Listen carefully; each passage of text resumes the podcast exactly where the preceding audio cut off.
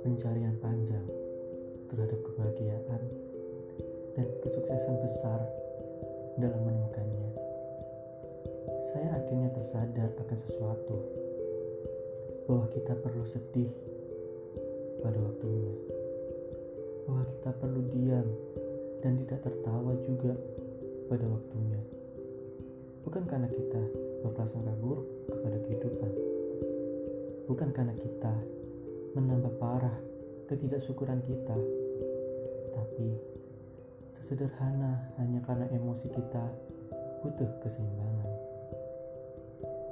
Satu air mata tidak akan mengubah fakta bahwa kau bahagia.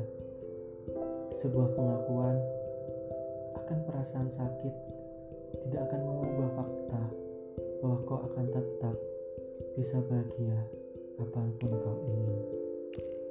Jadi tidak apa, biarkan saja emosi itu mengalir sekali-sekali. Biarkan saja air mata itu membebaskan diri sekali-sekali.